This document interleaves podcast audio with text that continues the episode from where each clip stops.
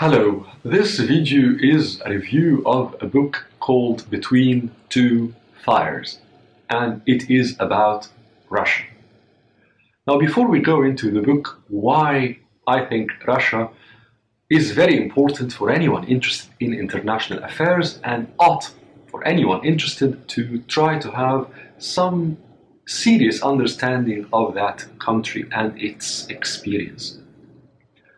Russia is politically very important simply because it is the inheritor of a superpower, the Soviet Union.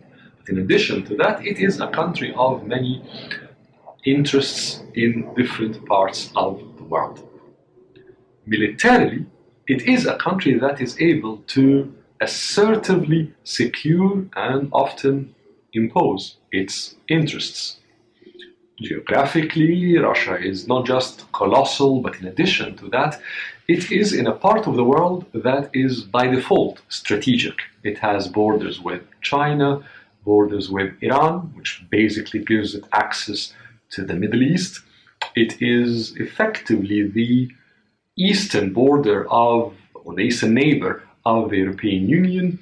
It has effectively reach towards the Nordic countries, the Baltics, so more or less to the top of the world.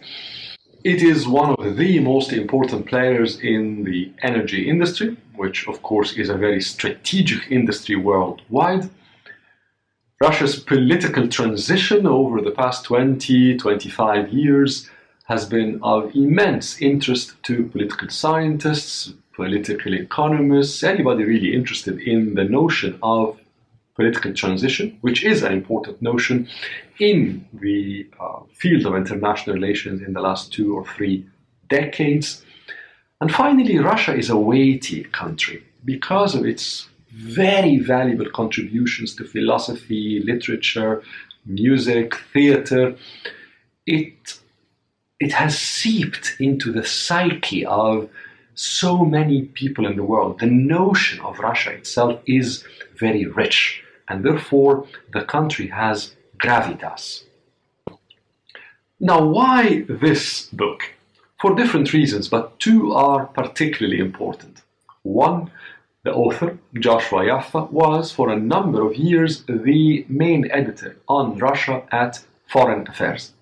Now, not because I write for Foreign Affairs, but it is arguably the most influential journal or magazine in the world about international relations. And after leaving Foreign Affairs, he went to write for The New Yorker, which is not only also very important and influential newspaper or magazine, primarily in the, in the, in the US, but also in the West, but specifically, The New Yorker's style is extended essays which means that the New Yorker does not really tell you what happened, but rather why it happened. It gives you the background, the contexts. My point here is that someone like Joshua Yaffa, the author of this book, is someone in a small group of people who contributed to how the American and the Western mind in general, specifically policy circles, have thought about or seen Russia in the last 10 15 years. And that by itself makes him an influential author. The second reason this book, I think, merits attention is its approach and its style. Usually, you find American observers of Russia approaching Russia from one or two uh, ways. One approach is looking at Russia as a competitor and often an enemy.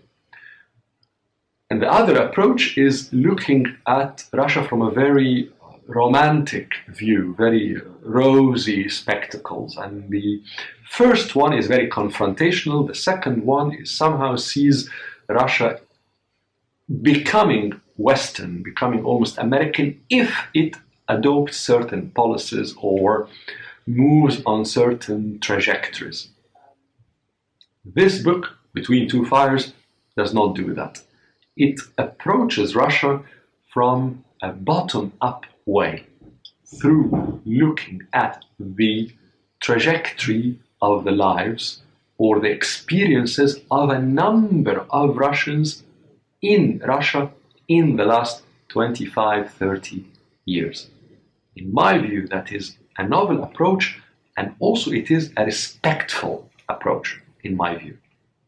Some people say, well, there's nothing new in that approach. It is very common in anthropology, in literature, of course. But I think for books written to international audiences, primarily political books, it is not very common to find a book adopting this bottom up approach. So, a socio political way of looking at Russia, and a respectful way, again, in my view. So, what are the messages that emerge out of that book? I personally think that the real value of Between Two Fires is that it is educational. So, if you are interested in Russia, and I think again, anyone interested in international affairs ought to pay special attention to Russia, it is educational in the sense it shows, it tells us a lot about how the Russian society, in different corners of it, in different segments of it, experienced the last 20, 30 years, especially that they were of one of the most important transitions, political transitions in the world in that period. That by itself gives the book value. But in addition to that, it focuses on two areas that I believe are illuminating really about, about Russia.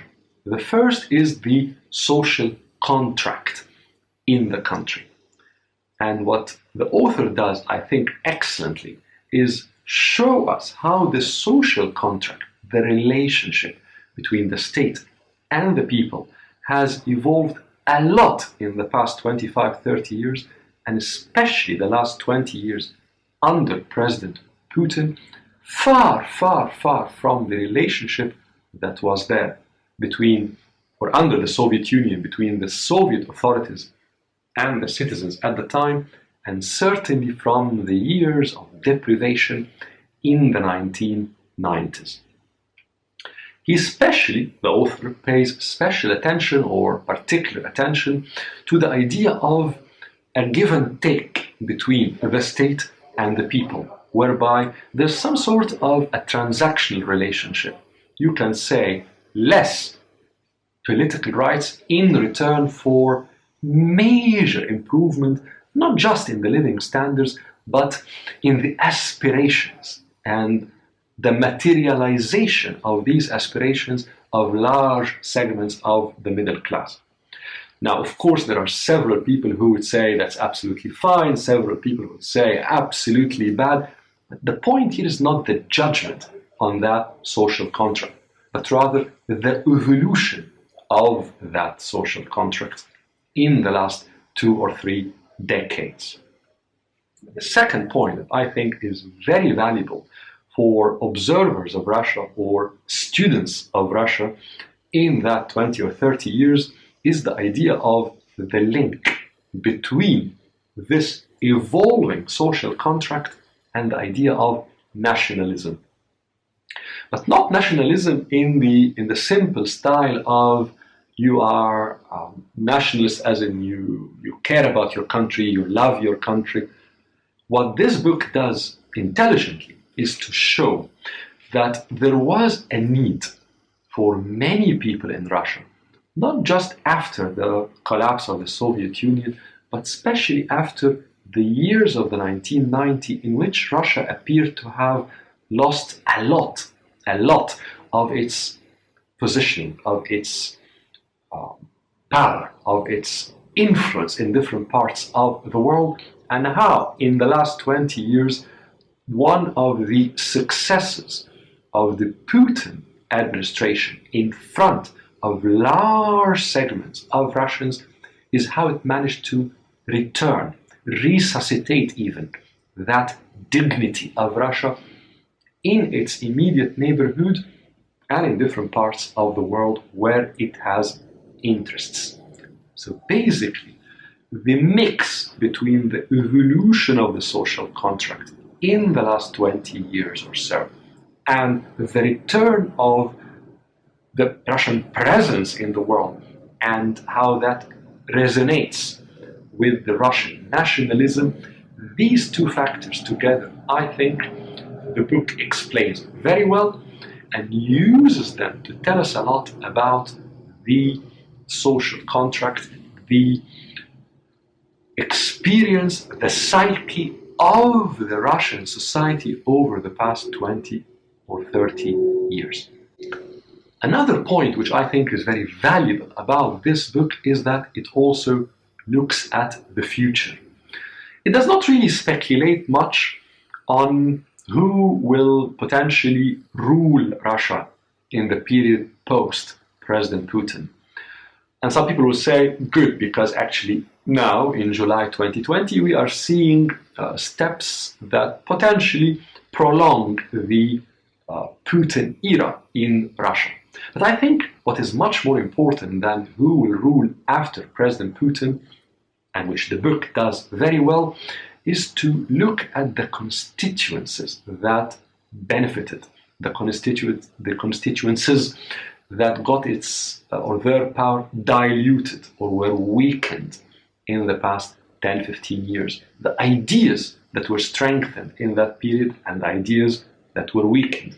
In other words, it helps readers, observers of Russia, think about how the immediate or short term, maybe medium term future of Russia in the period post President Putin will be like, not in terms of individuals, not in terms of power groups, but rather in terms of the landscape of Russia.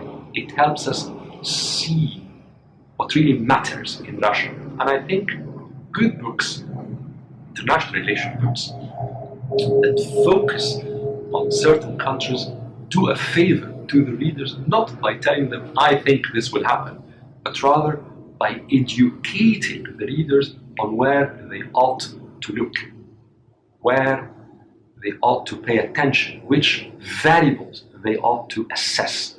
And that, this book does that very well.